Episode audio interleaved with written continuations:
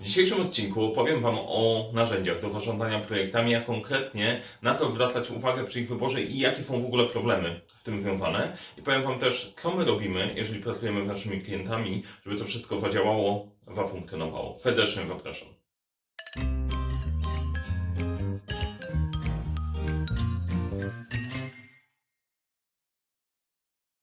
Cześć, nazywam się Mariusz Kapusta. Uczę, jak rozpoczynać i kończyć sukcesem projekty w świecie, w którym brakuje czasu, brakuje zasobów, za to nigdy nie brakuje problemów i pomagam te problemy rozwiązywać. Jeżeli ta tematyka Cię interesuje, to zasubskrybuj kanał, kliknij dzwoneczek, żeby nie przegapić nowych materiałów, których będzie jeszcze, jeszcze więcej w tym roku. A teraz przechodzimy do samego tematu. Narzędzi zarządzania projektami.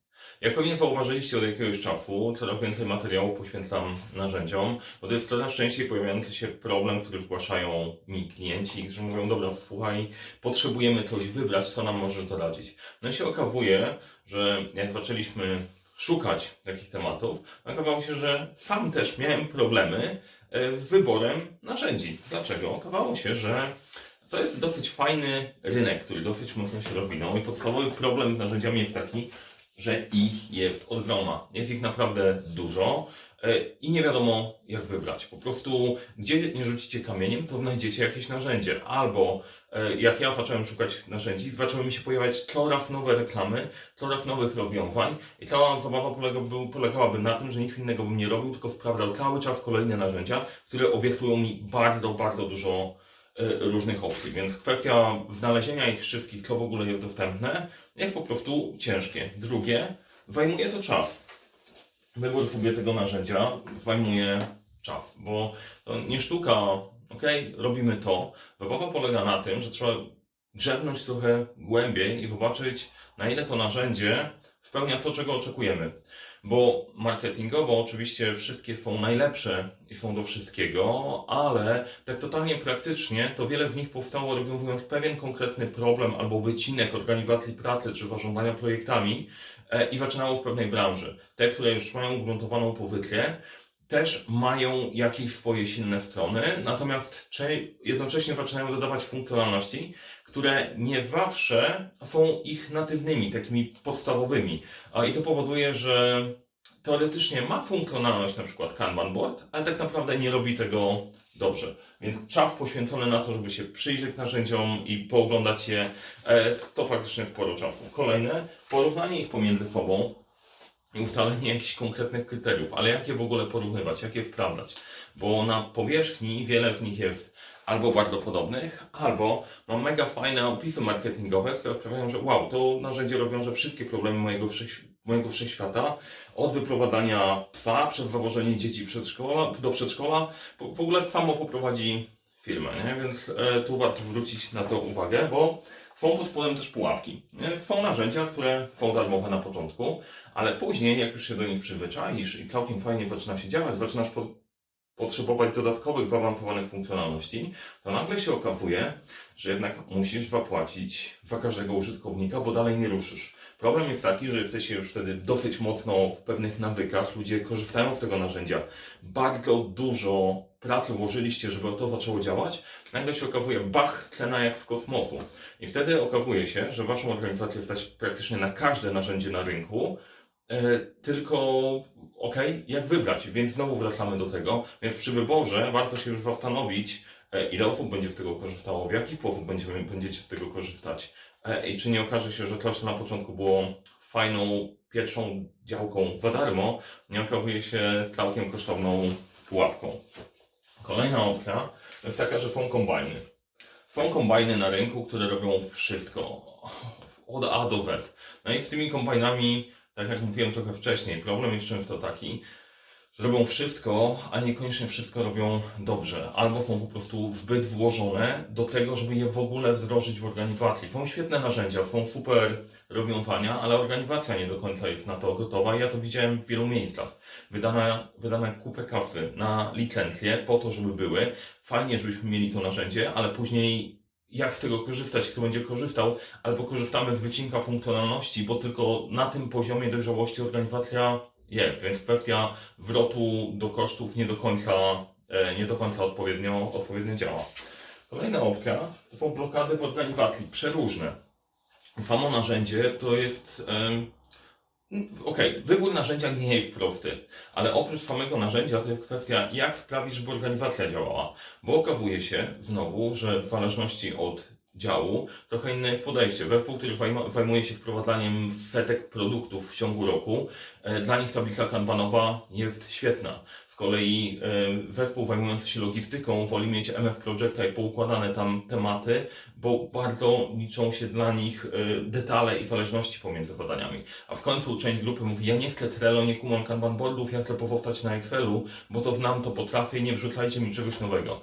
I okazuje się, że wewnątrz organizacji jest część blokad, które sprawia, że niektóre narzędzia ciężej po prostu zaadoptować. To jest kwestia zważenia, które obszary faktycznie zaadoptują narzędzie, które trzeba nauczyć, a które po prostu trzeba wmusić. Albo być może nie wmuszać, tylko trzeba było poszukać takich narzędzi, które gadają ze sobą, e, a jednocześnie dopasowują się do tego, co ludzie już potrafią. Bo rewolucja w obszarze jakiegokolwiek zmiany, która nie jest kluczowa dla ludzi i nie czują jej potrzeby, e, nie zakończy się dobrze. A narzędzie do zarządzania projektami nie, nie zawsze jest em, narzędziem pierwszej potrzeby dla większości osób w organizacji. Dla części tak, ale nie dla wszystkich. A co ciekawe, jedną z barier jest kwestia komunikacji, bo w jednej z firm, z którą pracowałem, ludzie zapytali mnie, jakie narzędzie polecasz. Jak pokazałem część, część możliwości, jedna z osób, która była na szkoleniu, mówi, słuchaj, ale my mamy takie narzędzie, ja pokażę na chwilę. Wszyscy stwierdzili, wow, ale fajne.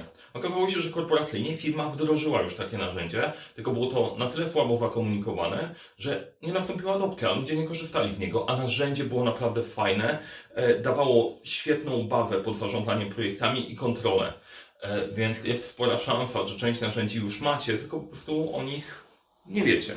Kolejny element, który stoi na drodze, to są nawyki. To też, jak mówiłem trochę wcześniej, jak ktoś się przyzwyczaił korzystać z Excela, to będzie korzystał z Excela. Ciężko jest go przestawić na coś nowego. Część osób zaadoptuje tablicę Kanban w miarę szybko, bo już szybko załapie, a część powie, dobra, nieważne co robicie, ja chcę dostawać to nadal w Excelu.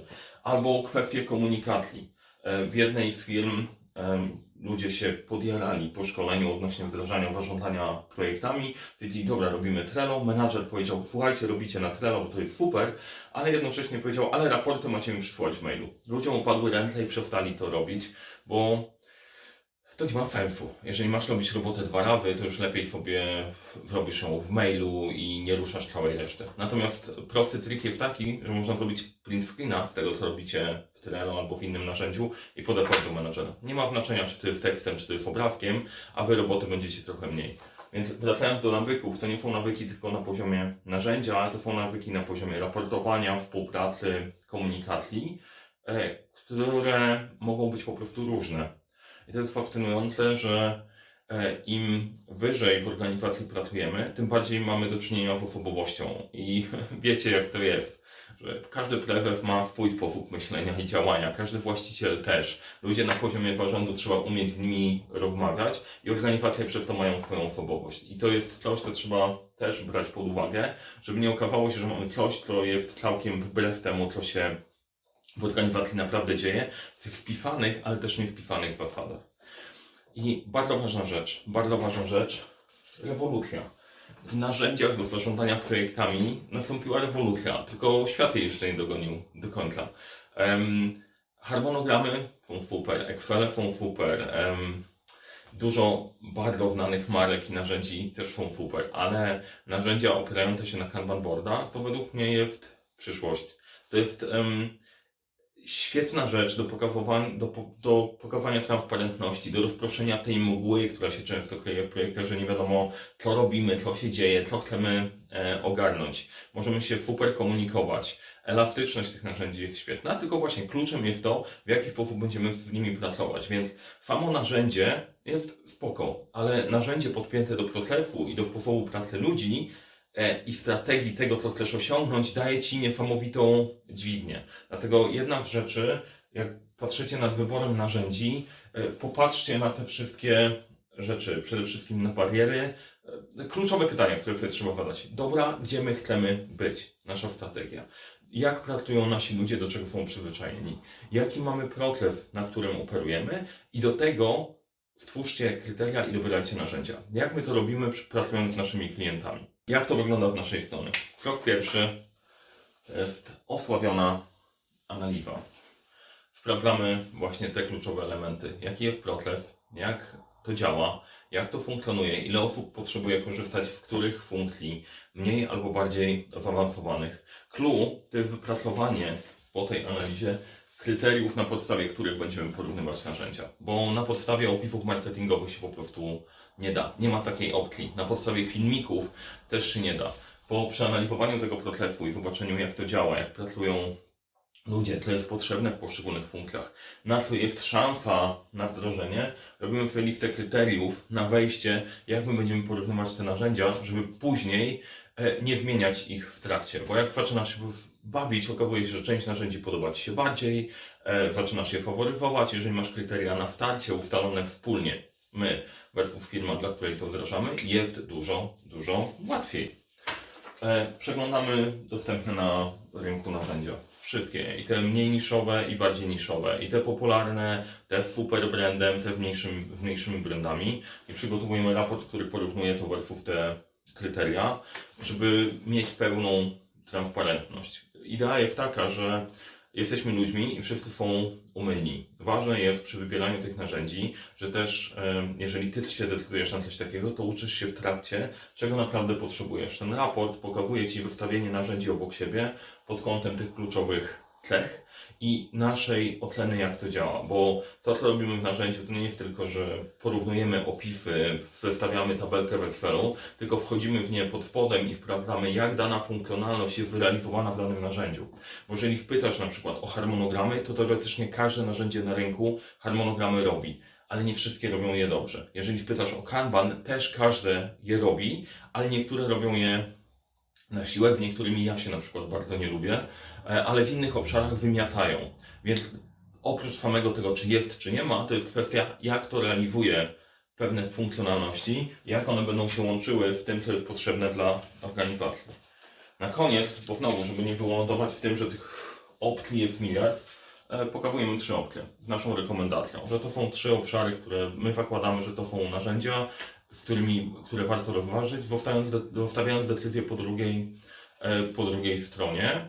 E, oczywiście rekomendując, gdzie my byśmy poszli, e, tak żebyście nie byli zostawieni całkiem, całkiem sobie. Jeżeli przeglądamy kilkanaście albo kilkadziesiąt narzędzi, no to z tego po prostu są trzy rekomendowane, które warto rozważyć. Dlaczego tak? Dlatego, że czasem jednym narzędziem nie da się rozwiązać wszystkiego. To jest jedno. Być może trzeba po prostu pójść w jakąś kombinację narzędzi wyspecjalizowanych w poszczególnych, w poszczególnych obszarach. A drugi e, case jest taki, że znalezienie idealnego narzędzia jest bliskie niemożliwości. Więc niektóre elementy, kryteria nam nie odpowiedzą w 100%. Tak, nie. Potrzebujemy się nim przyjrzeć, zobaczyć. Dlatego po prostu jest kwestia, kwestia wyboru. E, O rekomendacji mówiłem. Mamy jakiegoś naszego, naszego faworyta, o tym mówimy. Kolejna opcja, bo potem jak jest narzędzie, to jest jedna sprawa, ale trzeba to uruchomić. E, I to jest taki punkt, na którym bardzo często dużo zespołów i osób polegnie, bo wywróci się na tym, a nie wiem jak w tym narzędziu zrobić, coś odpuści, już nie wróci, bo uznaje, że jest trudne. Ja przez długi czas em, myślałem, że to jest żaden problem. Jeżeli komuś pokażesz proste narzędzie w miarę intuicyjne, to ludzie to ogarną. Okazuje się, że nie do końca to tak działa. Dużo lepiej funkcjonuje, jak przychodzimy na miejsce, podziałamy razem z zespołem, który chce to wdrożyć, zrobimy pierwszą wersję i przejdziemy przez ten najtrudniejszy moment założenia konta, poukładania sobie tematów, wpisania pierwszych projektów, e, zapoznania się z tym narzędziem. Później jest dużo, dużo łatwiej. Kolejny case to jest szkolenie. Nie jakieś mega ekstensywne, ale mimo wszystko trzeba się nauczyć korzystać z tego narzędzia w nowej sytuacji i mieć e, odpowiednie materiały do tego. E, I tak przez to narzędzie pracuje się w dłuższej perspektywie, więc to jest i takie szkolenie on the job, gdzie siedzimy razem i pracujemy nad konkretnym projektem, plus często materiały nagrane, do których masz dostęp w formie właśnie takiego wideo jak tutaj, e, żeby móc wrócić i sobie przypomnieć, aha, to działa właśnie w taki, w taki sposób i tak powinienem z tego używać. I to jest żaden wstyd, jeżeli się uczysz czegoś nowego, sięgnąć po takie materiały, zobaczyć te pigułki wiedzy, zrobić swoje, rozwiązać kawałek i ruszyć do przodu, a nie zostawić całą inwestycję na dole i wdrożenie samego narzędzia, upewnienie się, żeby to narzędzie faktycznie zafunkcjonowało, zadziałało i przyniosło te rezultaty, na które, e, które zakładaliśmy. Metoda jest stosunkowo prosta, ale oszczędza bardzo dużo czasu. Masz pewność tego, że te rzeczy są ze sobą sprawdzone, porównane. E, Robi to ktoś, kto siedzi w temacie i zna te narzędzia głębiej, bo wnikamy w coraz więcej z tych narzędzi. E, I tyle. Z mojej strony to prawie wszystko. Oprócz tego, że w opisie do tego filmu znajdziecie link do naszej oferty porównywania narzędzi. Jeżeli będziecie tym zainteresowani, to serdecznie zapraszam do kontaktu. Podziałamy, dobierzemy dla Was narzędzie. E, Nie przegapcie na kanale też pozostałych filmów o narzędziach. Już o kilku nagrałem, kilka kolejnych jest w planie na kolejne miesiące, bo chcę Wam pokazać, jak te narzędzia działają, czym się różnią, e, gdzie ich szukać. Pewnie tutaj mamy roboty na lata, bo cały czas to dotkniemy jednego, to wpada, wpada coś kolejnego, ale będziecie mieć przegląd tego, co się dzieje na rynku. Z mojej strony wszystko. Serdecznie dziękuję. Jeżeli Wam się spodobało, dajcie łapkę w górę. Jeżeli dowiedzieliście się czegoś nowego, też dajcie łapkę w górę. Powodzenia i sprawdźcie naszą ofertę dopasowania narzędzi.